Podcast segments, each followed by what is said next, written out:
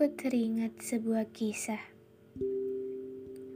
tentang ingatan yang berujung kenangan. Kenangan yang membuat harapan. Kenangan yang tak terlupakan.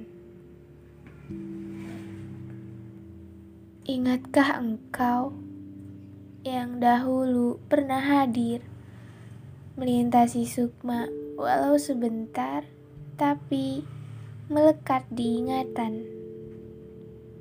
Sampai sekarang pun belum hilang juga.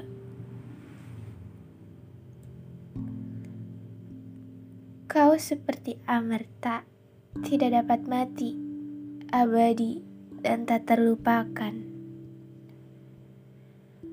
Kau hanya perumpamaan bagiku, sebab bila jadi kenyataan, itu tak akan mungkin.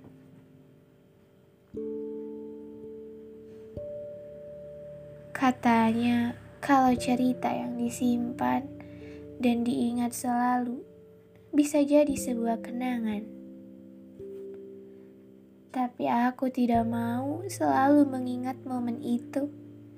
Jika kau saja tidak mengharapkanku, lantas untuk apa aku masih berharap?